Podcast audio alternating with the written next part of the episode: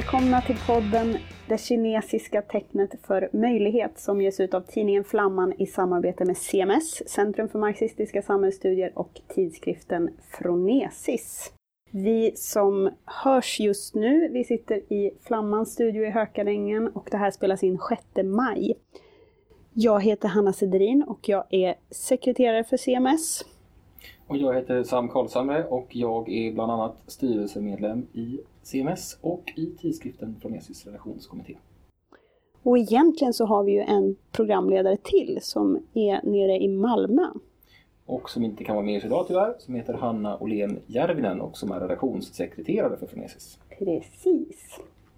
Och den här podden är till för att diskutera och producera idéer ur ett marxistiskt, socialistiskt perspektiv i första hand, om samhället, politiken, såklart coronakrisen. Och vi kommer att ha med eh, olika gäster, både med akademiker, och tänkare, teoretiker och aktiva i olika rörelser. Med mera. Med mera. Och andra. Kanske också sudoku. Det här avsnittet har vi valt att kalla Mellan ord och handling. Tanken är alltså att vi ska försöka eh, vad ska man säga, dra någon sorts linje mellan verkligheten som den ser ut, en analys av coronakrisen och samhället idag och vad man möjligen kan göra vänsterpolitiskt och så vidare utifrån det läget. Och försöka så säga, dra ut någon sorts riktlinjer eller någon sorts idé om hur man går från ord till handling helt enkelt. Mm. I det här avsnittet har vi en intervju med Kajsa Ekis Ekman, debattör och författare, som Hanna träffade i förra veckan hemma hos henne i Högdalen. Precis, och nu ska vi lyssna på den.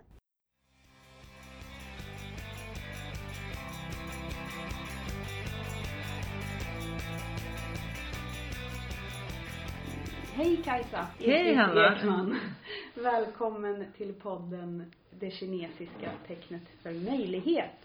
Vi träffas här i ditt fina blåa kök och ska diskutera kris och gärna då eh, specifikt om corona och konsekvenserna.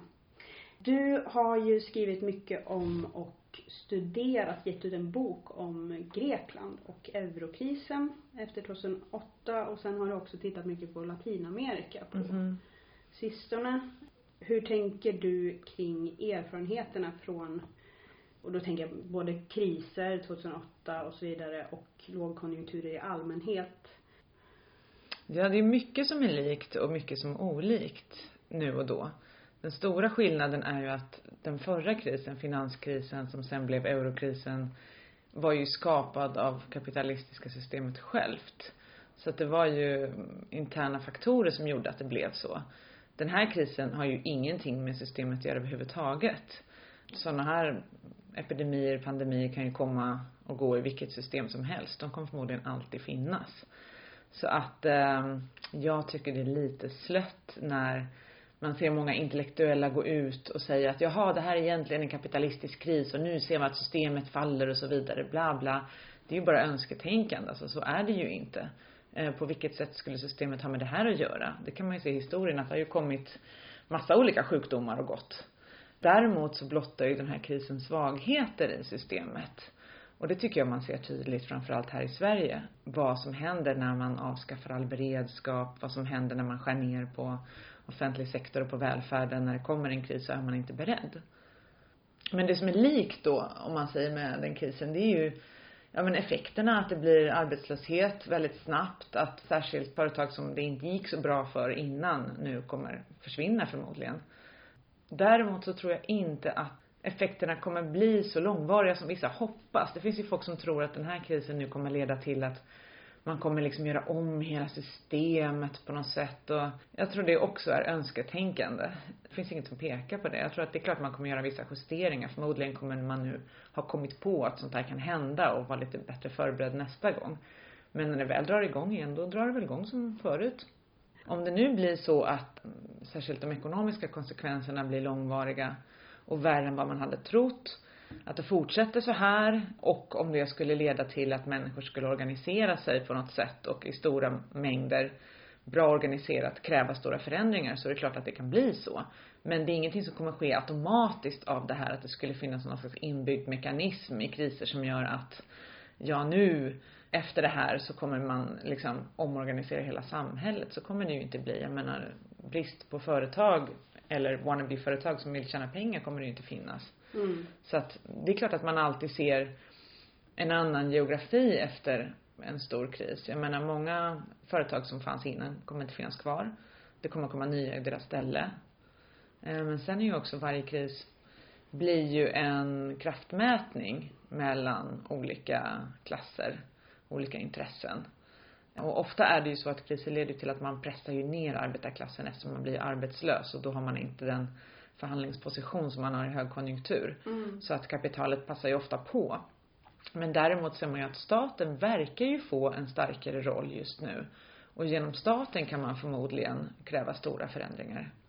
Jag tycker inte man ser, i alla fall hittills nu, slutet på april, ska jag säga, för Mm. att kanske när det här, någon lyssnar på det här liksom om en månad så är det på ett helt annat sätt. Men jag tycker inte man ser att det här skulle leda till någon nationalistisk våg eller så, förutom på vissa platser. Men på de flesta platser tror jag inte alls. Däremot ser man ju vad staten är för någonting och vilken makt och vilket ansvar som staten egentligen ska ha. Och det blir väldigt tydligt när man inte har tagit det ansvaret. Och att man då har avskaffat hela beredskapen i Sverige till exempel då när man gick med i EU och sa att nej men nu har vi en inre marknad så nu behöver vi inte någon beredskap för vi har en så bra inre marknad så den kommer sköta det här och nu ser man att nej men den funkar inte för att länderna tänker ju till syvende och sist på sig själva så de stoppar ju leveranser då till Sverige av viktiga saker som man behöver i sjukvården för det ska de ha.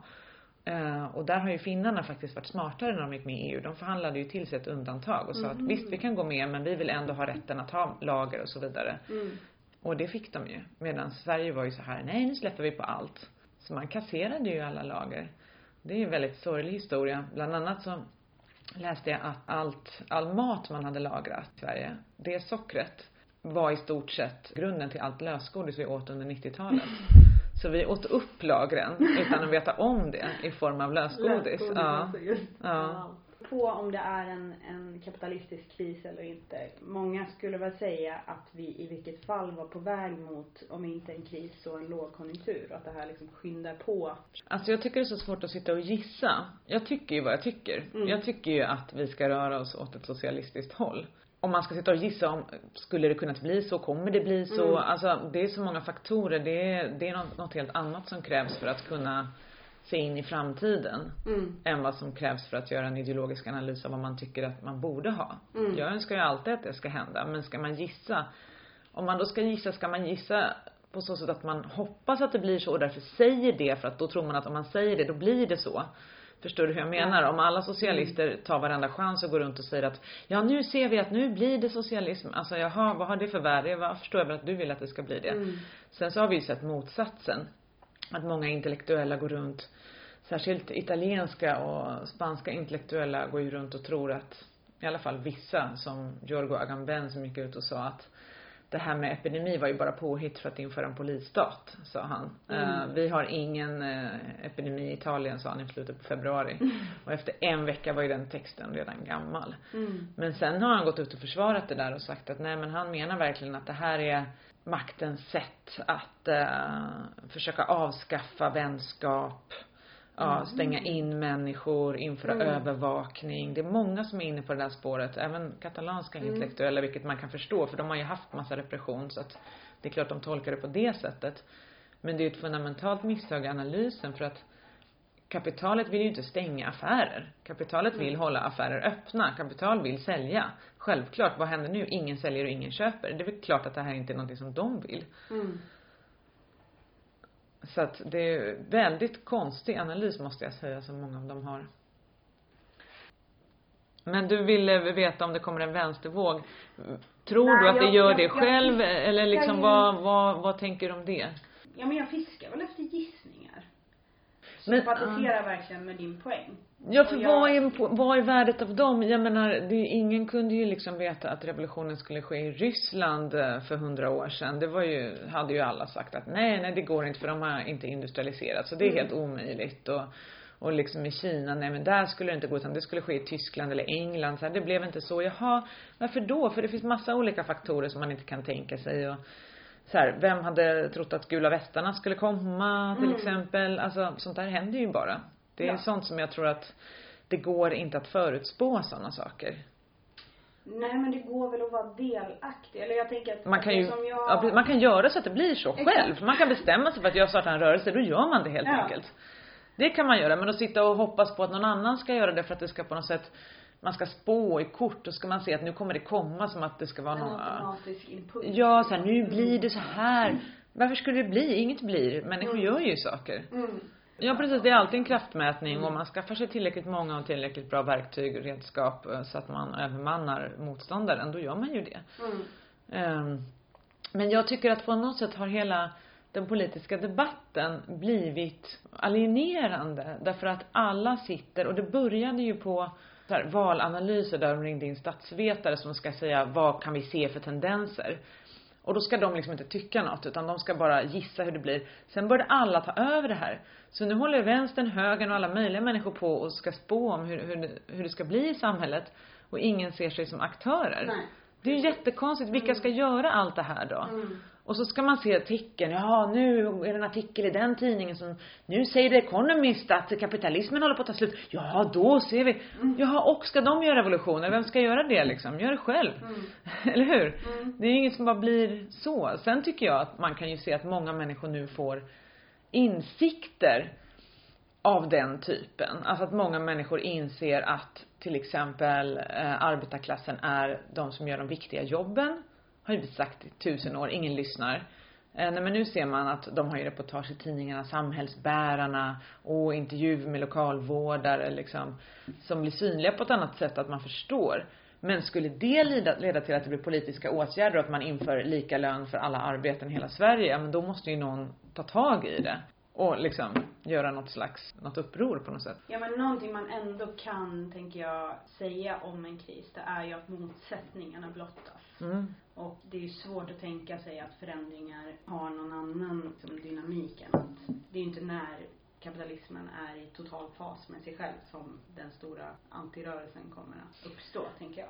Du menar att, att man ser olika Alltså, konflikter precis, man när det blir en kris? konfronteras av friktion. Som Ja. man kanske inte gjorde på, jag vet inte, på 80-talet. Ja, men samtidigt är det ju inte en huvudmotsättning i samhället alltid. Alla, alla konflikter är ju inte en huvudmotsättning i samhället utan det kan ju bara vara konflikter som är i periferin. Mm. Som inte är av betydande vikt. Alltså, jag menar varken tiggare eller flyktingar är frågor som kommer leda till någon stor samhällsomvandling. Alltså jag tänker så här, det finns ju två aspekter. Det ena är ju att när det händer stora saker, oavsett vad det är som händer, alltså när det blir till exempel en finanskris eller som nu, oj hela samhället förändras över natt, hela samhällen stängs ner. Så händer det ju saker inne i människor. Folk börjar, oj vad är det här? Reflektera och sånt. Och sen kan ju det ta sig uttryck i politisk handling eller inte. Men generellt sett så är det ju så att det är ju inte när folk får det sämre som de kämpar för att få det bättre. Nej. När de får det sämre kämpar de för att ha kvar det de hade igår. Och ofta misslyckas de. Därför att förhållandena är inte så. När de får det bättre så kämpar de för att få det ännu bättre. Och lyckas ofta med det. Eh, Men sen beror det också på organisatoriska faktorer. Eh, Är den rörelsen i ett land framgångsrik eller inte? Vad beror det på? Men sen tycker jag att i Sverige så har vi ju ett dilemma de senaste 20 åren skulle jag säga som gör att organiseringen har varit väldigt svår och det är ju att eh, om du jämför med till exempel Sydeuropa, vad hände med krisen? Jo, alla fick det sämre väldigt snabbt. Så du hade 80% av samhället som var tillsammans, kände samma sak, upplevde samma sak och kunde därför gå samman. Alltså arbetarklass och mellanskiktet, båda rasade. Men i Sverige har det ju inte varit så utan vi har ju fått ett fragmenterat samhälle där de som får det sämre är inte majoriteten utan är kanske typ en fjärdedel eller vet inte till och med en tredjedel kanske som har fått det sämre. Och de ensamma kommer inte kunna klara en rörelse därför att de får det sämre på ett sätt som gör att problemen ackumuleras. Alltså om du till exempel får det ekonomiskt sämre och sen samtidigt så kanske du får spelmissbruk eller du får sociala problem, drogmissbruk, du kanske har någon diagnos. Alltså det blir massa olika saker som gör att en sån grupp skapar inte ensam en rörelse utan en rörelse måste ju vara en allians bland de flesta på något sätt, ändå 40 procent eller så. Och det har vi inte här utan vi har en grupp som har fått det mycket bättre. Som har tagit alla pengarna då från beredskapen och från välfärden och eh, renoverat och fått det jättefint och liksom åkt på massa resor och de tycker ju inte liksom att samhället är så speciellt dåligt. Mm. Så du har helt olika känslor. Som skribent tycker jag att det är jättesvårt att skriva för att vem riktar jag mig till i mina texter? Mm. Är det den gruppen eller den gruppen? Mm. För de har helt olika känslor. Om jag talar till då den här gruppen som har fått det bättre. Om jag låter arg och liksom upprörd att nu ska vi fan gå ut. Så kommer de bara känna, men vad är det där för 70-tals dammig skit? Men om jag är sådär väldigt liksom då eh, lugn och pratar om fakta och lägger fram så här, då kanske de nickar, ja det där kanske stämmer. Men däremot den här gruppen som har fått det sämre, de blir ju inte tillfredsställda av en sån text, därför den berör inte dem, för de måste känna ilska för att eh, gå igång på någonting. Så att det är helt olika känslor, det är jättesvårt Mm. att veta vem skriver man till. Hur ska man läsa det då? Ja, om du ska ställa dig på ett torg, prata, vem ska du prata med då? Ska du prata med de som har fått det bättre eller de som har fått det sämre? Eller alla? Då får du hitta ett sätt att prata med alla. Mm. Håkan Juholt klarade ju det, Mm. tyckte jag. Han var väldigt bra på Mm. det. Ja, sossarna är väl bra på det. Jag är ibland arg retorik. Mm. Ehm, så att det där passar in på dem också. Men vad det inte passar in på är ju en person som liksom inte har något, någon politisk passion och inte heller ekonomiska problem. Mm. Men som ändå behöver välfärd, som kanske har massa bolån, osäker situation. Vill ju att skolan ska vara bra för barnet, att de inte ska skära ner jättemycket eller att man ska behöva välja en skola liksom på andra sidan stan eller Ja, eller om man bor liksom någonstans på landsbygden, att de skär ner på service eller vad det nu kan vara. Alltså det är ju massa olika saker som man ändå kan gå ihop med, tycker Och jag. det, det kan man väl ändå tro att den här krisen eh, känns lite mer gemensam. Som Ja, men tyvärr gör vissa människor sitt bästa för att förstöra denna enhet. Och jag ska förklara vad Ja. jag menar. Åh! Sett idiotiska inlägg på sociala medier. Där folk säger Ni är medelklassen som jobbar hemma. Ni har det så bra. Ni ska inte klaga. Titta här, liksom. Här är arbetarklassen sliter man. Medelklassen kommer alltid klara sig. Idiotiskt! Alltså en förändring i socialistisk riktning måste alltid ena arbetarklass och det man kallar medelklass. Inte alienera dem från varann. Vad är det där för något? Ska det där vara progressivt? Det är ju bara fel. Mm. Jag menar, ska du få medelklassen att känna sig privilegierad, eh, som att de har en lyxtillvaro, som att de inte ska klaga, vad fan ska de göra i vänstern då? Mm. Ha skuldkänslor? Ja, precis. Ja, men hur De många vill ha det? sig. Ja men det kanske folk vill ha som haft en dålig barndom, men hur många är det? Det är ju liksom bara några. Jag menar, Mm. större Och delen inte av... en hållbar drivkraft. Nej, men det är väl För klart det inte är. Liksom, även om man har den jättestarkt så tror jag inte att de människorna är så bra att ha i rörelsen. Liksom. Man måste ha Nej men det är väl klart att de måste vara där av egenintresse. Det måste ju alla Mm. människor. Och jag menar, varför ska man få 30-40% av befolkningen att tro att de är Warren Buffett? mm. Why? De Mm. är ju inte det. Alltså det, det finns liksom, visst det är klart det finns skillnader om du ska spalta upp alla olika samhällsskikt i Sverige. Mellan varenda skikt så finns det skillnader. Men ska du accentuera de här skillnaderna? Ska du Mm. liksom påminna medelklassen om att de har det så bra? Nej, det är inte vad vi i vänstern gör. Vi säger alla människor blir grundlurade av Mm. kapitalismen på ett eller annat sätt. Alla människor blir utnyttjade. Sen finns det skillnader. Men det är ju inte det vi ska ta fram utan det vi ska ta fram är att vi tillsammans tjänar på att äga saker gemensamt, ekonomisk demokrati och sånt. Alltså de konservativa nu har ju fest. De har ju liksom rebrandat sig själva som folkets vän. Och det där är ju så roligt för att, jag menar de konservativa förr i tiden var ju högstämda liksom som läste eh, liksom fosterländska dikter och sånt där. Och nu plötsligt har de blivit folkets röst. Och jag menar, de ger ut böcker, särskilt konservativa amerikaner, men det finns ju några svenskar också, som liksom handlar om sunt förnuft och eh, vänsterns galenskaper. Mm. Alltså, och många av dem har ju liksom rätt på vissa frågor. Och jag har tänkt att när en konservativ sitter och skriver nu för tiden, så sitter det en inbillad bonde på hans axel som säger vad fan ska det vara så jävla svårt? Det finns väl liksom eh, kossor och tjurar och vad fan är problemet? Så här. Medan om en vänsterliberal skribent sitter, då på axeln sitter en inbillad kamrat med en yxa som är beredd att halshugga dig om du är fel. Så att det är ju lite hämmande och på något sätt att du kan inte prata med folk, du kan inte prata normalt, prata som människor pratar. Så använder du din Facebook eller Instagram till att prata normalt istället. Men du kan inte göra det i politiska sammanhang, så att det är ju helt hämmat. För så fort du gör avsteg från det här lingot som man ska använda så blir fel på något sätt enligt dina regler. Mm. Det där måste man ju bryta. Det kommer brytas, för det tror jag är en sån naturlig utveckling. Det kommer brytas, någon kommer bryta det. Men vem och hur och varifrån och om det blir politiserat, det vet vi ju inte. Samhället är ju genom alla olika yrken en lång kedja som, där varje yrke hakar i ett annat och där alla människor behövs. Och där vi inte klarar oss utan varann. Sen finns det ju yrken som hänger lite löst där någonstans som man kanske inte riktigt behöver. Men alltså, de flesta yrken behövs ju faktiskt. Och det är därför hela klassamhället är så idiotiskt. Därför att ingen klarar sig vi klarar oss inte Mm. utan varann. Så att, att man ska säga då till exempel, det här är ett bra yrke, det här yrket ska man ha. Vi bör uppmuntra folk att utbilda sig till det här yrket, då ska man få mycket pengar, då är du duktig. Det här yrket är ingen bra, då ska man få lite pengar, det där ska du inte ha. Eh, om du har det yrket, då är det för att du saknar drivkraft eller motivation. Du har bara hamnat där. Okej, ta bort alla de yrkena, då funkar inte samhället. Och det ser man ju precis nu, att det är precis de yrken som de har låtsats inte fanns eh, jättelänge, som nu kommer upp som de viktigaste yrkena. Ja men då kommer vi ihåg det då, så ser vi till att man liksom förstår att hur skapas tillväxt, hur skapas välfärd? Alltså, och det är ju det som blir så absurt när rika säger, ja men jag betalar så mycket skatt. Okej, men var kommer då din inkomst ifrån? Den är ju bara sista länken av kedjan på en lång rad av människor som har bidragit till den här vinsten. Jag menar, du lämnar dina barn på förskolan. Annars skulle du inte kunna jobba. Du åker till ditt jobb, kanske på någon väg eller i någon buss eller någonting. Eh, vem har byggt den vägen? Vem kör den här bussen? Vem städar den här bussen? Alltså, allt det här och till och med på ditt eget företag från den som har skapat den här hårdvaran och liksom dragit ihop den här metallen i gruvorna till, ja men jag behöver inte förklara hela systemet, men i alla fall. Poängen är att sen tar du vinsten som egentligen borde då fördelas på alla de här människorna som har hjälpt till att skapa det här värdet. Men så är det ju inte. Och jag menar det ser man ju nu. Så då tycker jag att så här, det man kan göra nu, eller det behöver man inte så här, göra just nu, det kan man ju alltid göra, men att man på något sätt borde visa detta. Mm.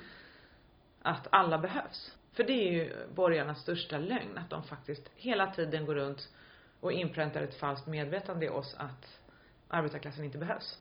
Nej men alltså man vet ju att det är kris när Dagens Nyheter låter som proletären, vilket jag tyckte i morse att det faktiskt gjorde när jag läste Niklas Orrenius som skrev att han började nynna på Ulf Lundells låt Det är folket som bygger landet. Ja, ja men du ser. Men liksom, ah, vad, vad ska man göra med det där? Det försvinner ju sen efter. Sen då, nu kan vi äntligen åka till Hawaii som vi hade tänkt.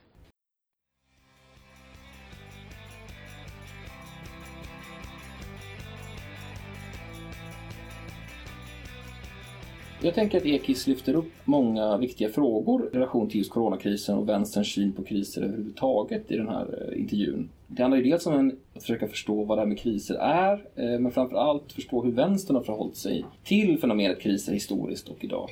Hon pratar ju dels om det här med att krisen är ett ögonblick när brister i samhället på något vis synliggörs. Och det är ju på något vis då, kan man tänka sig, universellt giltigt. Alla kriser synliggör ju på något vis ett problem i samhället, var de än kommer ifrån. Jag tänker det är intressant också hur de pratar just om hur kriser blir, båda har tillmätts en väldigt stor vikt från vänstern, alltså som en avgörande händelse, där någonstans ska missförhållandena avslöjas på något sätt, man ska inse hur det egentligen står till och så. Men samtidigt om det här tenderar att bli pacificerande på ett eller annat sätt, att man tänker hela tiden att det finns ett rätt ögonblick eller det finns en, en brytningspunkt eller någon sorts visst läge när, när eh, någon sorts insikt liksom kommer ur verkligheten. Sådär. Jag tycker det är en viktig poäng som hon gör det här. Det kan ju slå över i total voluntarism om man vill, men idén att det blir ingen politik av analysen. Och det blir ingen politik av verkligheten i sig, utan det är hela tiden en fråga om vad man gör av olika skeenden, men också av det missnöje som alltid uppstår naturligtvis i, i en krissituation. Som hon också påpekar så är det här ju en, en kris som skiljer sig på många sätt från eh, till exempel finanskrisen eller också de klassiska ekonomiska kriserna som vi ofta pratar om när vi pratar om kris i marxistisk teori. Det här är ju då en kris som kommer utifrån på ett eller annat sätt. Eller definitivt som hon säger, det är klart att den har effekter som, som formas av hur vårt ekonomiska system ser ut. Men krisen i sig, som hon säger, den är ju lika möjlig att tänka sig under ett feodalt eller ett socialistiskt samhälle. Jag tänker att det är intressant det här just med frågan om eh, politiskt taktiska kring det här. Vad är det, som är, vad är det som enar och vad är det som skiljer ut så att säga? Det är en Mm. viktig fråga i hennes, eh, resonemang som jag tänker också vänstern allmänt bör, bör tänka på eh, och eh, måste verkligen eh, hantera på ett, på ett ordentligt och djupare sätt. Mm. Ja, men det, det är en jätteintressant poäng tycker jag hon gör om att en socialistisk rörelse måste alltid liksom ena klassen i bestämd bemärkelse och att det är ändå något man kan påstå eh, händer i en kris, att vi får en gemensam erfarenhet. Sen mm. hur man definierar den, hur man använder den, det är ändå någon slags gåva i meningen att ingen kan undgå den här situationen som vi är i. Och därmed kan vi liksom använda den som knytpunkt. Det kan vi inte i ett läge som hon beskriver då där vissa upplever att vad härligt att jag kan renovera mitt kök mm. och andra då eh, upplever att eh, ja, men det är fruktansvärt att ha en, en timanställning och inte känna trygghet på jobbet och sådär. Så att den poängen tror jag är jätteviktig. Samtidigt som jag tror att det är överskattat. Och det är ju Kajsa också inne på. Liksom att medelklassen så att säga upplever sig som liksom någonting annat än arbetare eller några som inte har det dåligt eller förlorar på, på det kapitalistiska samhället. Liksom. Men jag tror att vi också tror att det är svårare än vad det är att skapa gemenskap och förena LO-arbetare mm. med tjänstemän till mm. exempel. Det är också en poäng som Göran Terborn gör i sin bok Klass i Sverige, mm. som är en del av eh, Katalys klassprojekt. Där han påpekar att Sverige faktiskt har liksom en, jag vet inte om man ska säga unik, men att det är eh, väldigt häftigt och speciellt att vi har en så stor andel av tjänstemännen organiserade i fackförbund och att det är någonting man skulle kunna använda politiskt på ett helt annat sätt, men också något som med tiden kan utvecklas. Alltså att eh, det här med att tjänstemännens arbetsvillkor mm. försämras. Det kan liksom driva på för en, en radikalisering av, av tjänstemannaförbundet till exempel. Och det är också något som jag tycker trösterik konsekvens av krisen hittills i Sverige ska sägas att eh, fackförbunden har ju stärkts i meningen att de har fått fler medlemmar förhoppningsvis men framförallt a-kassemedlemmar. Liksom. Ja, men absolut, det är ju väldigt tydligt att eh, ja, man ska ju akta sig väldigt mycket för att prata om det i termer av att, av corona och positiva effekter är ju naturligtvis eh, inte önskvärt för någon att vi har den här situationen. Men om man pratar just politiskt i termer av vad är det för någonting som uppstår i den här situationen så kan man ju ändå säga det att vissa av de grundstrukturer som jag tänker att vänstern är helt överens om, oavsett egentligen var man står, är, är avgörande för att kunna organisera politiskt motstånd eller, eller överhuvudtaget ens ett politiskt progressivt eh, framåtsyftande projekt har ju stärkts. Så är det ju. Både förtroendet för, eller känslan av att det behövs en stark stat som, som är någonting vi gör tillsammans, som är kollektivt. Inte mm. en stark stat i någon protofascistisk mening utan snarare i meningen staten som någonting vi tillsammans bygger upp för att hjälpas åt. Liksom.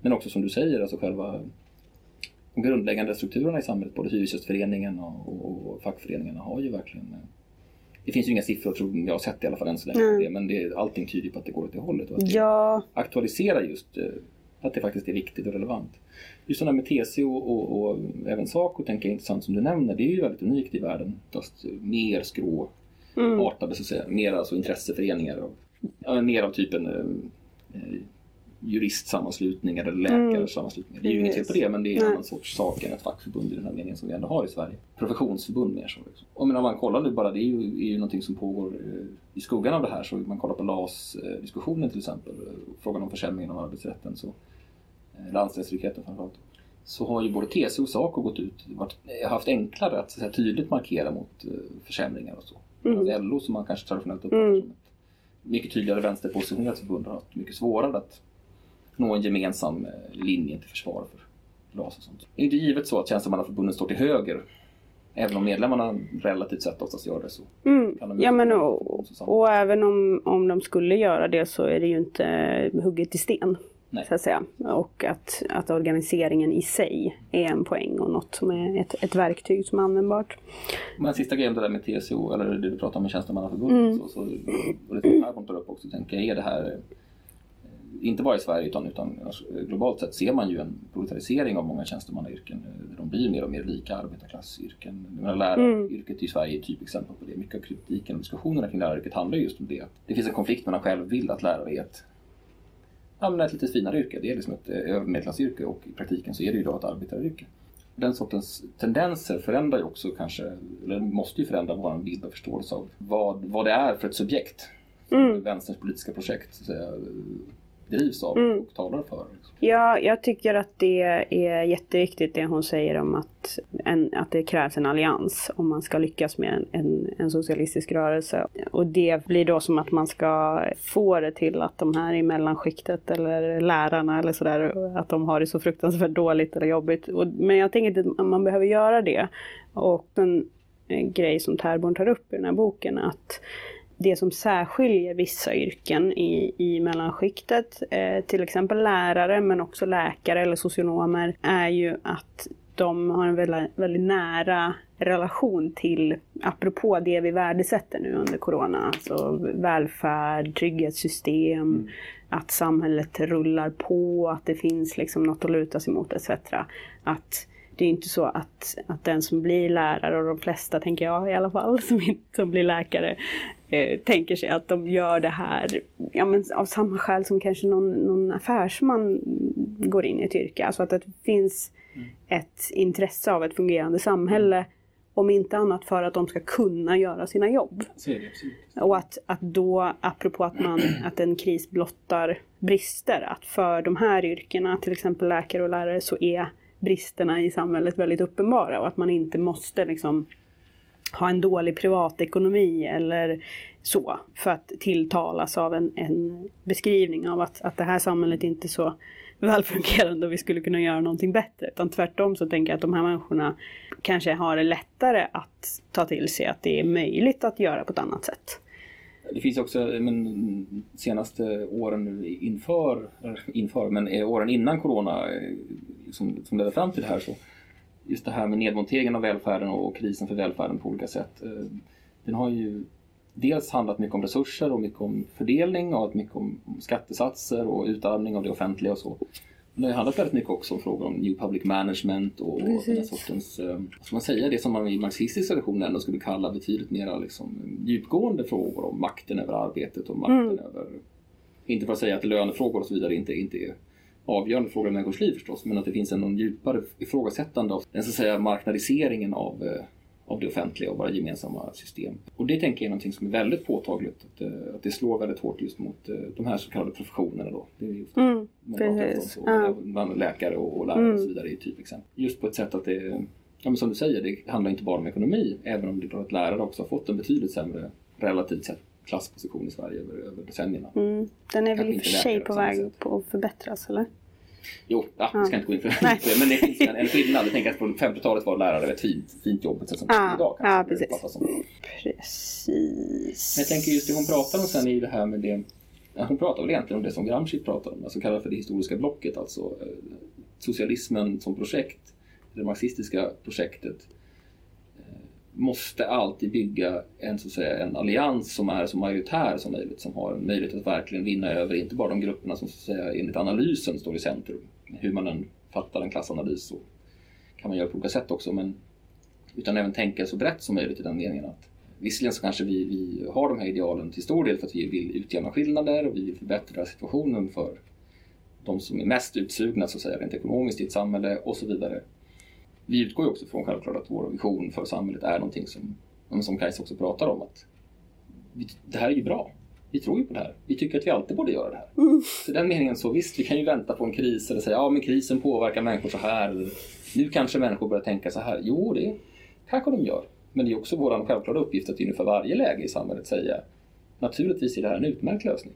Naturligtvis är våra förslag och vårt program är, det är det du borde vilja ha. Och det finns en, jag menar i USA är det här en vanlig diskussion, the one percent och så vidare. Liksom. Mm. Men just den här idén att, att, att så mycket som bara är möjligt ändå utgå från att våra program våra förslag och våra idéer är, är, skulle göra livet bättre för nästan, nästan alla människor. Och det handlar inte bara om klass eller ekonomi eller krassa frågor utan också i en större mening så att säga. Tid, eh, utrymme att forma sitt eget liv, Mm. makt över jobbet, känslan av att man har en meningsfull sysselsättning och så vidare. Allt det Mm. där lite fluffigare men i en mening minst lika centralt. Ja, och, och det finns ju också andra poänger med att samhället faktiskt funkar än att, att man själv liksom får en bra privatekonomisk situation. Mm. Jag tänk, det nämner ju också Kajsa, att ja, men alla har sina barn i skolan. Visst. Oavsett vem man är så har man en erfarenhet av skolsystemet Mm. som liksom gör något med en. Där har ju någon mening, tänker jag, coronakrisen kanske ännu mer än en ekonomisk kris egentligen, eh, just i och med att den slår vi vet ju förstås vid det här laget att den slår väldigt olika klassmässigt och inte bara åldersmässigt utan även att ekonomiskt utsatta grupper, trångbodda grupper och så vidare är, drabbas mycket hårdare. Så i den meningen ska vi inte, vi ska inte sopa under mattan det faktum att kapitalismen också faktiskt dödar konkret i det här läget. Men den slår ändå på det sättet att vi vet att den enskilda personen som smittas dör inte mer för att den personen så att säga är fattig eller så. Mm det är inte i sig det som avgör. Det är inte en sjukdom från vilket man, eller det är inte en kris som man, inte, som man kan köpa sig fri från. Utan det är någonting som faktiskt drabbar alla. Eller kan drabba alla. Mm. Den meningen, dels i den liksom rent sån här filosofiska meningen så är den ju väldigt demokratisk. Eh, men också i den, i den eh, erfarenhetsmeningen att alla människor känner plötsligt av att eftersom vi inte har någon privat sjukvård egentligen i Sverige då, även om det finns problem med folk som går förbi köer och så, så i stora hela så hamnar du i ungefär samma system om du bor i Djursholm, om du bor i i Rinkeby. Som sagt, återigen inte för att låtsas som att det inte finns stora klasskillnader i vården och så, men det är ändå det är samma apparat för alla på något sätt. Och då blir också i någon mening alla blir alla tvingas tänka på hur ska det här funka för oss allihopa? Mm. Snarare än i termer av hur ska jag rädda mig? Liksom. En grej som Kajsa säger som jag håller med om och själv har tänkt mycket på är ju det här med eh, besattheten av analys och prognos mm. hos egentligen hela den politiska rörelsen, vilken sida man än tittar på, men, men också inom vänstern. Och det, och det är något vi verkligen riskerar att hamna i i den här podden också. Alltså att vi försöker liksom förutsäga och förutspå hur den här krisen, eller som jag skulle vilja säga krisigheten. Mm. Alltså det är inte bara denna kris, det är även förra krisen, eurokrisen och så vidare. Eh, och jag oroar mig för att de här prognoserna många gånger är liksom en flykt eh, från att agera. Att det är passivitet mm. egentligen, eh, förklädd i analys. Och problemet tänker jag mig är en längtan efter att någon eller någonting annat ska sätta villkoren för framtiden. Och jag tror att i en kris så blir det också lättare därför att då liksom blir allt upp och nervänt. Och man kan komma undan på ett helt annat sätt med att säga vi avvaktar. Det märker man ju nu med socialdemokratin nu har gjort sin, sin krishanteringsmodell är ju det går jättebra för oss i opinionen. Vi gör ingenting. Mm, och det funkar ju visserligen för dem, men kanske inte för oss som är Man kan lite säga att det funkar mer ju sugna för deras på... opinion, men frågan är om det är ett bra politiskt projekt. Mm. Och jag tänker att, att det både, för det finns ju verkligen eh, en tydlig uppdelning både i vänstern och utanför om en uppdelning där man antingen är optimist eller pessimist. Optimisten säger att nu ser vi kapitalismens fula ansikte, nu förenas vi i de gemensamma villkoren, lite som vi varit inne på. Mm. Och vi märker att vi sitter i samma båt.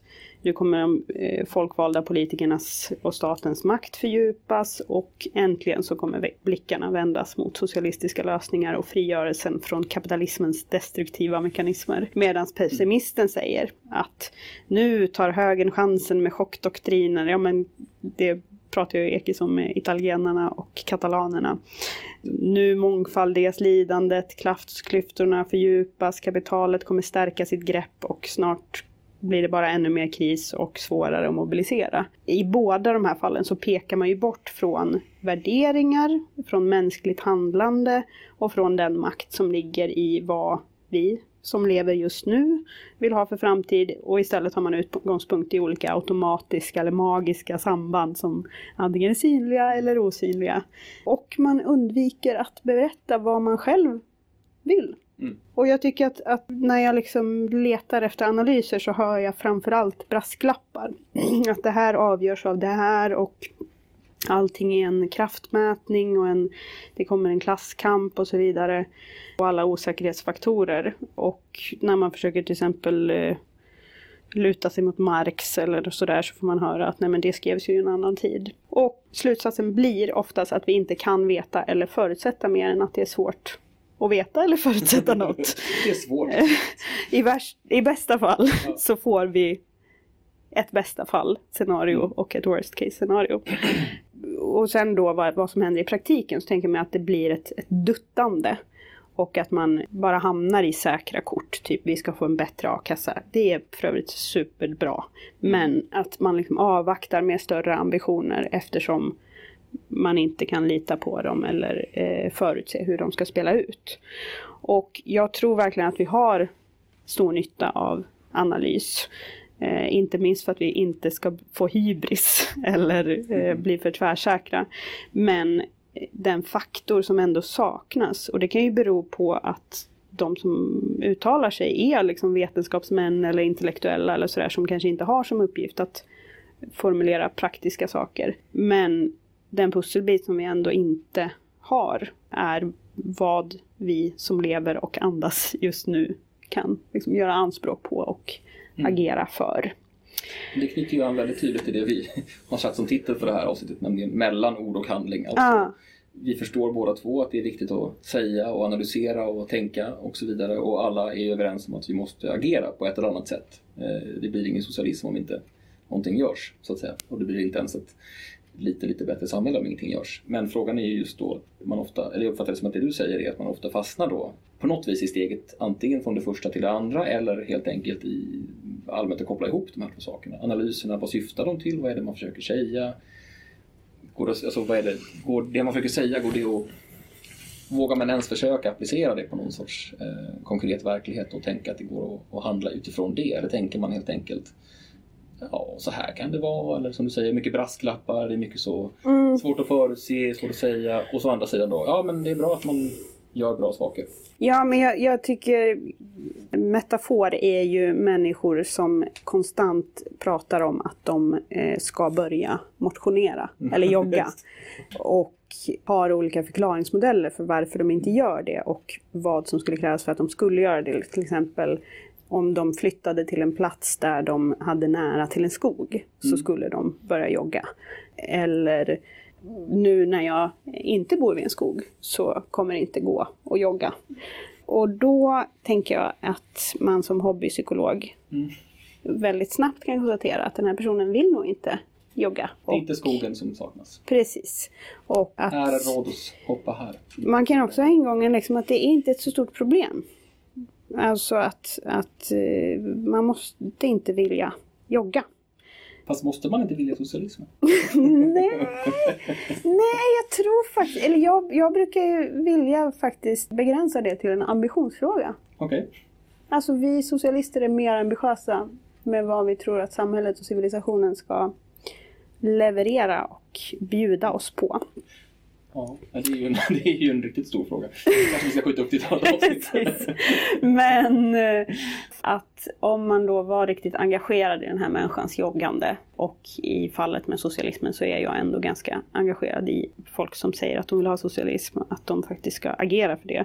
Så skulle jag ju dels påpeka att det är möjligt att motionera eh, även om du inte bor nära en skog. Men så skulle jag nog också vilja peppa människan till att göra det på lite trevliga och roliga sätt. Kanske inte begränsa sig till just joggandet. Kanske kan vi göra det tillsammans och sådär. Men jag tänker i alla fall att motsvarigheten för socialister är ju, och jag tycker ofta att det är där man landar när man säger saker. Nämligen, om vi bara inte levde under kapitalismen, då skulle vi ha socialism. Eller om socialismen bara kom, då skulle vi inte ha kapitalism längre. Men vi är väl båda ganska överens om att det finns, eller vi har pratat om det ganska mycket under ett längre tag nu. Just icke inspelat. Icke inspelat. Ja, ja precis. Vi har mm. pratat icke inspelat om just det. Det är väldigt sällan idéerna till förslag eller idéerna till vad man som borde vara. Och det är väldigt sällan analyserna som saknas. Utan det är ofta den operationaliseringen om man ska prata. Mm. Eh, lite teoretiskt eh, av det hela som, som inte saknas, men det är där kruxet är så att säga. Jag har också tagit med mig några citat som jag tänker peka på samma sak så mm. att man inte måste luta sig mot mig för att hålla med. Ja. Och då har vi eh, först och främst det mycket kända Marx-citatet Filosoferna har bara tolkat världen på olika sätt, men det gäller att förändra den. Det kan ju också låta lite uppläxande i det här fallet så syftar jag alltså på att det är kanske inte viktigare men minst lika viktigt att göra som att tolka. Men det finns fler. Eh, vi har ett annat Marx-citat. All frigörelse består i att föra den mänskliga världen och de mänskliga förhållandena tillbaka på människan själv. Mm. Alltså vi är subjekt, vi mm. är de som agerar, vi är agenterna. Och inte minst, ett av mina favoritcitat, Människorna gör själva sin historia, mm. men de gör den inte efter eget huvud, inte under omständigheter som de själva valt, utan under omständigheter som är omedelbart för handen givna och redan existerande. Sen kastar vi också in ett eh, favoritcitat av Rosa Luxemburg som jag har. Den moderna arbetarrörelsen är en del av historien, en del av sociala framsteg och mitt i historien, mitt i framstegen, mitt i kampen lär vi oss hur vi måste arbeta. Det där sista citatet tycker jag är, är väldigt, väldigt klokt. Det kan ju låta lite självklart, men jag tänker just att det är väldigt konkret tillämpning då på just arbetarrörelsen liksom, men av det här som är Marx grund, grundidé. Det uttrycks ju väldigt koncist i Feuerbach. Det är inte bara idén att det gäller att göra saker. Eh, det är ju en klok sak. Men hans grundpoäng är just här, vad är det att hålla på med någonting, ett projekt som handlar om tänkande, som handlar om att förstå världen och så vidare för att förändra den? Jo, det är man måste hela tiden dra det tillbaka till sinnlig, praktisk, mänsklig verksamhet. Eh, sinnlig, praktisk, mänsklig verksamhet. Det är kanske det det här avsnittet ska heta istället. jag tänker att det är precis det som Rosa Luxemburg så fint beskriver där. Att hon är ju en väldigt eh, blandad person, alltså väldigt, har ju mm. claimats av väldigt många olika traditioner och mm. aspekter av arbetarrörelsen. Men jag tänker att hon har ju en sak som gör henne väldigt lockande för folk att, att ta till sig. Det är just den här idén att hon är ju verkligen inte en, en pragmatisk person i någon, i någon, i någon liksom, eh, sossig mening. Hon är ju inte någon vindflöjel direkt utan det är tvärtom väldigt viktigt mm. med korrekt teori och eh, att man ska... Eh, det är liksom whatever goes. Liksom. Men eh, hon har ju samtidigt den här idén att, att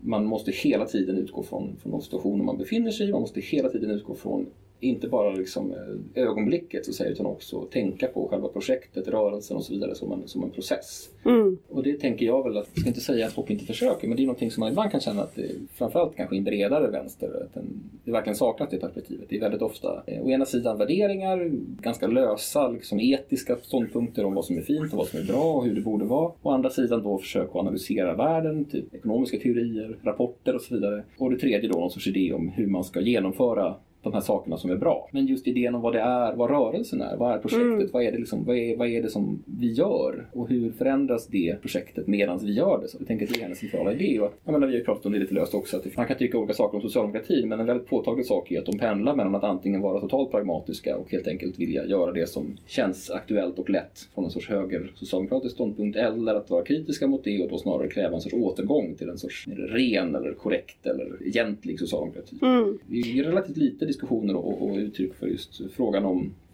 men vad är det här vi håller på med? Vad är det faktiskt, vad är arbetarrörelsen idag? Hur ska den, hur ska den nå någonstans mm. liksom? ja, men, och Jag tycker att, alltså, vad säger man inom akademin, empiriskt så att säga, är väl ett ledord också, att vi vet inte vad vi borde göra förrän vi har börjat göra någonting. Mm. Alltså att vi lär oss hur saker hänger samman och mm. vad, vad man kan tänka sig är nästa steg av att göra någonting. Det är det ena. Och det andra tänker jag att vi också, precis som vi har en tendens att ta för givet att det, liksom, det är någon slags magiska yttre faktorer som kommer att avgöra mm. framtiden, så har vi också det problemet bakåt. Att vi tar för givet att vi har en hög anslutningsgrad i Sverige, trots att det ju är knutet direkt till att folk byggde en arbetarrörelse, ja, ja. värvade medlemmar etc. Och det har jag tänkt mycket på nu under coronahanteringen i Sverige. Mm. Att så här, fy fan vad skönt att vi till exempel inte fick en konservativ blåbrun regering. Och det var på håret och det, man kan se det som tillfälligheter som avgjorde det. Men det blev i alla fall så. Mm. Och om man bidrog till en av de tillfälligheterna mm. så har man bidragit till att coronahanteringen förmildrades otroligt mycket. Alltså de här a-kasseförbättringarna till exempel kommer vi ju se progressiva konsekvenser av under väldigt lång tid framöver. Förhoppningsvis. Mm. Gissningsvis. Ja. Precis. Ja, men det är alltid en svår makt. Alltså, mm. Det finns ju väldigt olika nivåer där så att säga. Men jag tänker det är väldigt... Detaljerna spelar roll. Så är det verkligen. Och de är inte liksom, de har inte blivit av av någon slags automatik. Nej, nej. Och heller inte tror jag helt tillfälligheter. Det, men den filosofin kan man ju välja och ändå se det som att saker spelar roll. Men jag tänker att du, det är en väldigt grundläggande liksom, idé som jag helt delar det här. Alltså, på marxist-lingo säger man ju dialektiken mellan teori och, och, och praxis. Alltså att mm. det är teorin som måste så att säga, styra praktiken. Men det är också praktiken som hela tiden är det enda som kan ge teorin verklig näring. så att säga. Mm. En sorts empiri som inte bara är fasta, döda, konkreta fakta om världen utan också fakta, fenomen, verklighet i rörelse. Och det där måste vara en, en, ja, men en dialektik som man säger, alltså det måste påverka varandra. Så Man kan inte bara tänka att det är praktiken, det vardagliga som, som kan liksom klara sig själv och inte heller teorin som i sig kan pålägga en färdig modell eller idé. Ja, jag tänkte försöka säga några ord också om det här med Kajsa Ekis Ekman i den här intervjun är väldigt tveksam till, alltså hon verkar ju vara, hon är väldigt tveksam till krisbegreppet generellt skulle jag vilja säga. Hon är ju liksom, verkar ju lite skeptisk kring idén att kriser egentligen påverkar så mycket. Mm. Alltså politiskt så att säga. Hon är ju nästan lite voluntaristisk där kan man säga. Alltså, Det är bara vad vi gör. Vi gör det vi vill. Mm. Eh, Och sen kan det vara bättre eller sämre läge men det är bara att göra som man kan, så mycket man kan och det är det bästa man kan göra. Det är jag ju helt med på som etisk eller så eh, handlingsprincip att man ska alltid försöka göra det bästa av situationen så att säga. Men jag har ändå funderat ganska mycket på det här med coronakrisen i relation till andra sorters kriser. Eller om det går på något sätt ändå att, att eh, klassificera och förstå olika kriser som att de, faller, som att de har lite olika karaktäristika. Liksom. Och min tanke där är, det finns en väldigt vanlig föreställning i vänstern. Och det är en klassisk vänster, socialistisk eller marxistisk kristeori. Det är ju idén att i krisen, som vi redan har pratat om, i krisen så avslöjar kapitalismen sin, Mm. ja, hur defekt systemet är. Då blir det tydligt att Folk blir arbetslösa, folk får gå från sina hem, folk drabbas väldigt hårt av det ekonomiska systemets inre problem. Coronakrisen å andra sidan har ju, trots som sagt att följderna på många sätt formas av kapitalistiska, kapitalismens logik så att säga, beroende på var man bor och så vidare. Så är ju krisen i sig är ju en kris för samhället som helhet, där kapitalismen är en del av det. Men det är ju en kris som hade drabbat oss oavsett vilket ekonomiskt system vi hade levt under, i princip. Och en vanlig tanke från vänster har ju då varit att en kris för kapitalismen som ekonomiskt system är bättre för oss. För den visar hur otroligt effekt det kapitalistiska systemet är. Den visar att vi måste ha ett alternativ, att det här systemet funkar inte längre. Då vill folk ha något annat. Så att säga. Och då skulle man kunna anta då att en så att säga, samhällskris av den här typen då, corona eller till exempel ett större krig i vilket ens eget land kanske inte är skyldigt i alla fall, har inte det är inte militarism eller fascism som ligger bakom. De skulle då vara så här, sämre för vänstern på något sätt. De är svårare för oss att utnyttja, de pekar inte på något inre problem i samhället och så vidare. Jag har funderat lite på det här och kommit fram till att jag tror att det är helt och hållet tvärtom. Man ska nog snarare tänka i termer av kriser drabbar oss antingen från, eller slår antingen mot ekonomin i första hand, eller mot samhället i första hand. Och det finns en tendens att söka sig till de krafter i politiken som uppfattas vara bra på de aspekterna av samhället vi lever i. I en kris för ekonomin så förstår visserligen folk att ekonomin går åt skogen och att systemet inte är särskilt välfungerande, men ganska fort om inte en revolutionär situation inträder och allting händer väldigt fort, så inträder ganska fort den, den dominerande drivkraften för nästan alla människor blir återgång till det normala. Så nära det normala som man bara kan tänka sig. Om då till exempel, säg ett antal högerpartier säger Ja, om vi tar bort arbetsgivaravgifterna, om vi sänker, ökar löneskillnaderna, om vi sänker skatterna för, för storföretagen, då kommer ekonomin funka igen. Och det vet vi, för vi är bra på ekonomin. Oavsett hur moraliskt fel man tycker att det här oavsett om man tycker att det här är ju liksom, att det är för jävligt Ja, men liksom, att banker att- har drivit oss in i krisen och sen ska de ändå få pengar tillbaka. SD äger invandrarfrågan för de pratar mest om invandrarfrågan. Även om man kan säga att de inte har någon lösning på det, så är det ändå deras fråga. Precis, kan man säga. De är experter på det. Och jag tror att det här är just det, vi tänker ofta, ja men ni ser ju att det är bankernas fel. Hur kan ni då gå med på att man ger pengar till bankerna, till exempel under den här krisen? Jag tror att förklaringen är mycket enklare än vad vi tror. Det är inte det att folk inte förstår att det är så. Folk förstår att det är precis så, men de är värda att strunta i den moraliska biten. Om man, om man kan lova dem att ja, men om vi bara skiter i att det är deras fel och ger dem pengar ändå, och de blir glada, då kommer du få jobb, då kommer samhället komma igång, ekonomin kommer komma igång och så vidare. I den meningen tänker jag att vi ofta tänker att folk är både för dumma, vi tänker både överskattar och underskattar folks liksom, insikt i hur samhället fungerar. Vi tror att de tänker så för att de inte fattar att det är kapitalismen som är problemet. Jag tror att det är precis tvärtom. Alltså, nu pratar jag inte om enskilda personer utan om så stora eh, så att säga, idéströmningar. Folk förstår precis det.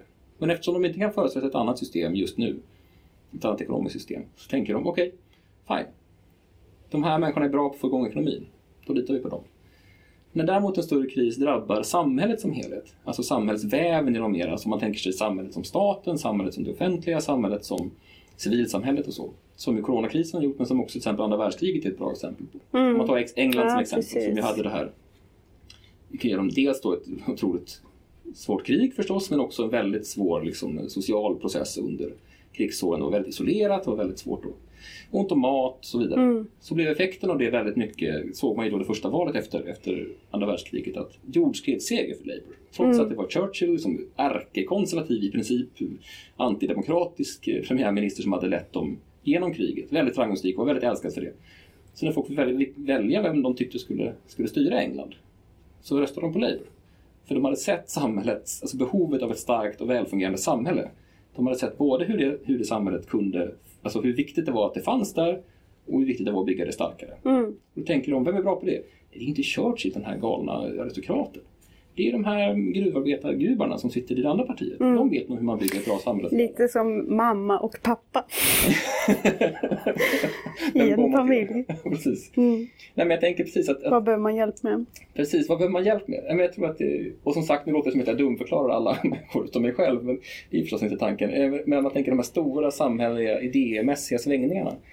Jag tror att vi ser på ett sätt en liknande process nu kring Corona just där folk inser att så här, vad är det jag verkligen behöver? Jo, men jag behöver verkligen att, det, fan, att man inte dör. Mm. Att man får vård. Att mina föräldrar inte dör. Att, Mm. att det finns mat och sånt. Det behöver jag verkligen. Vem är bra på det? Är det Moderaterna som är bra på det? Ja, kanske. Men det är verkligen inte Martin Ådahl. Liksom. Nej. Utan då går man till liksom, Stefan Löfven eller fackföreningsrörelsen eller den här sortens vardagliga, småskaliga, konkreta, gripbara liksom, civilsamhälle, solidaritet. Ja, och jag tänker man måste inte formulera det som vad behöver jag, utan var ligger problemet? Ja. Att om problemet ligger i finanssektorn så tänker man sig inte att fackföreningsrörelsen kan lösa det. Nej. Fast de kan det, egentligen. Men vem går man till för att hitta lösningen? Jo, men precis. Att det är också ett sätt att beskriva det. Och att vi tenderar då, eller vi, men vänstern tenderar att tänka att det går dåligt för dem, i deras sektor. Det går dåligt för deras del av Precis. samhället, det vill säga den kapitalistiska eh, apparaten. Då kommer folk gilla oss. Nej. Nej. och samma sak tänker jag, det är ungefär lika korkat på ett sätt som om, som om folk hade, som högern hade tänkt nu. Yes, staten bryter ihop. Då kommer folk komma till oss för de ser hur dålig staten är. Alltså, det är klart att det är inte så enkelt, men, men så länge det inte finns ett konkret förslag på bordet tydligt om vad det skulle innebära att ha någonting annat än en kapitalistisk ackumulationsregim så kommer folk inte tänka Ja men bra att bankerna gick åt skogen. Vi lägger ner dem när vi ändå håller på. Nej, precis. Och det är ju inte heller så att staten inte är kapitalistisk eller en del av kapitalismen. Så det behöver vi, inte, vi behöver inte se det som så himla radikalt. Även om det är bättre och mer progressivt än, än att eh, titta på, fråga bankerna vad man ska göra. Nej men jag tycker du har en jättebra poäng. Och en grej som jag ofta tänker på eh, är att jag tror vi i vänstern överskattar människors längtan efter liksom nya spännande stora förändringar. som också alltså stämmer med det du Jo. säger. Liksom att folk vill, vill ha bra lösningar. Eh, och de är oftast eh, beprövade. Alltså på riktigt. Det här är inte bara liksom så här tänker människor. Utan på riktigt så är det ju så. Och om man ska förändra samhället radikalt så blir det inte så be- beprövat. Nej. Och som tur är då så är ju inte det ett problem, eh, tror jag, för den socialistiska rörelsen. Om vi bara eh, förmådde förstå oss själva och våra projekt som en fortsättning på saker i samhället som är bra och redan fungerar. Till exempel Ja. demokratin, välfärden har vi redan varit inne på, fackföreningsrörelsen. Alltså saker som är solidariskt, rimligt organiserade utanför eller åtminstone i mindre utsträckning kopplade till kapitalismens logik. Att det egentligen går att, att se socialismen lika mycket som något, liksom, eller ja, för mig är inte det något radikalt annorlunda än det vi lever i idag, utan däremot förlängning av de saker som jag uppskattar och, och lutar mig mot. Liksom. Nej, men det finns ju en liten väldigt, väldigt här, enkel men viktig poäng som du gör där. Just det, vi som håller på med det här, alltså inte nödvändigtvis for a living, men vi som har det här som stort intresse, samhällsteori, samhällets förändring, vad kan vi göra, hur kan vi uppnå genuin förändring i samhället? Så vi, om man ska vara krass, vi tycker ju alltid att det är lite intressant. Mm. Vi vill ju inte att det ska gå åt skogen. Vi vill ju inte att folk ska bli arbetslösa, men vi tycker att det i sig är intressanta saker. Vi tänker, vad kan vi göra nu? Var ser vi möjligheterna? Sådär. Mm. Och det ska vi ju göra. Det är ju en del av meningen med att det finns människor som... Alltså om man är socialist så måste man också tänka visionärt och så. Men det är ju väldigt viktigt att komma ihåg att det... men Det är därför det finns knappt en revolution som inte har följts av en, av en, av en motrevolution inom, inom två, tre år. Som oftast blir mycket... Inte alltid, det beror ju helt på kraft, kraftmätningen som pågår där så att säga. Men det är ju väldigt... Att om ingenting, om man inte lyckas så att säga träda in i något ny, nytt, antingen demokratiskt istället för diktatur eller ett, något socialistiskt snarare än en kapitalistiskt system ganska fort så kommer ganska snart kommer den allmänna stämningen i samhället vara jag skiter lite i vad det blir så länge det inte blir kaos och så länge jag klarar mig. Mm. Och det är ju som sagt inte för att folk är korkade. Det är tvärtom. De är alldeles för kloka för att tänka ja men det är väl värt, vi prövar i fem år och ser vad som händer. Det är inte en Precis. bra idé. Nej. flesta människor konkret i deras liv. Mm. Jag gillar ju att tänka på eh, politik som kärleksrelationer. Eller eh, vilket parti man röstar på liksom. Eller i alla fall vilken rörelse man ansluter sig till. Man ska säga. Och att vänstern är liksom den spännande älskaren som, man gillar, som det är härligt att vara nyförälskad i eller bråka med men inte lika kul att vara gift med jättelänge för att det är lite för högt i tak liksom i meningen att man vet inte riktigt vad man kan vänta sig. Det är lite för oklart vad man kommer vara om tre år. Ja, och om inte annat för att eh, vi inte har suttit vid regeringsmakten eller genomfört socialismen än så just. blir det ju nödvändigtvis så. Vi är eh, tonåringar i kärleksdimensionen. Nej, men jag tänker just Eh. att det är viktigt att tänka, alltså, det handlar ju inte om att reducera allting till någon sorts trygghetsskapande. Det är inte det som är politikens syfte eller, eller vårt, eh, vårt mål naturligtvis. Men att det är en sorts eh, grundläggande dynamik där som ändå finns och som vi ofta är, är väldigt dåliga på att, så att säga, verkligen förstå. Och jag tänker just då att coronakrisen, liknande så att säga, system, alltså samhällssystemskriser, kriser som slår mot samhället som sådan, öppnar just ändå trots allt på ett bra sätt för vänsterns lösningar eftersom de visar just hur det vi pratar om, det du kallar för då liksom en sorts bortom kapitalismen, så här, de aspekterna av samhället som det är, hur viktiga de bitarna är och hur mycket man behöver dem så att säga. Och att det är de som så brister eller saknas. Mm. Jag tror också att det är jätteviktigt att inte fastna i att tänka sig att välfärd till exempel i första hand eller bara skulle handla om trygghet. Utan det, att det också är frihet, att det är Nej. någonting som öppnar dörren till något mm. ej förutbestämt men som ändå, alltså det är klart det är tryggt i meningen att jag vet att om jag blir sjuk så får jag stöd. Men att det också kan motsvara en eh, förväntning om, om något spännande. Även om det eh, Nej men naturligtvis, det är ju en väldigt märklig eh, idé hos högern. Deras kanske svagaste kort ideologiskt är ju den här idén om att det skulle vara liksom spännande och kul och utmanande och bo i tredje hand och, och jobba timmar. Liksom. Att det är liksom sorts frihetsreformer. Det är ju Mm. för 95 procent av världens befolkning, och Sveriges befolkning också skulle jag säga, så är det ju väldigt mycket mer frihetsskapande att kunna få en billig hyresrätt och ha ett fast jobb som man tycker är rätt kul. Eh, Det är då man känner att man kan leva på riktigt eller göra något. Mm. Det är en mängd saker finns det ju en, ingen motsättning där mellan frihet och Till exempel kreativiteten i att inreda en ny förstahandslägenhet. som man tror att man ska kunna bo i länge. Då kanske man kan bygga en ännu spänn- mer spännande sänggavel eller inreda balkongen på ett annat sätt. Plantera saker, renovera köket med mera. Ja. I Men, alla eh, fall, Ja, börjar vi bli jag klara? tänker det. Ja. Eh, Vi har ju babblat på ganska ordentligt här idag. Mm. Vad ska vi säga mer om detta? Jo, vi hoppas ju komma ut med ett avsnitt åtminstone varannan vecka.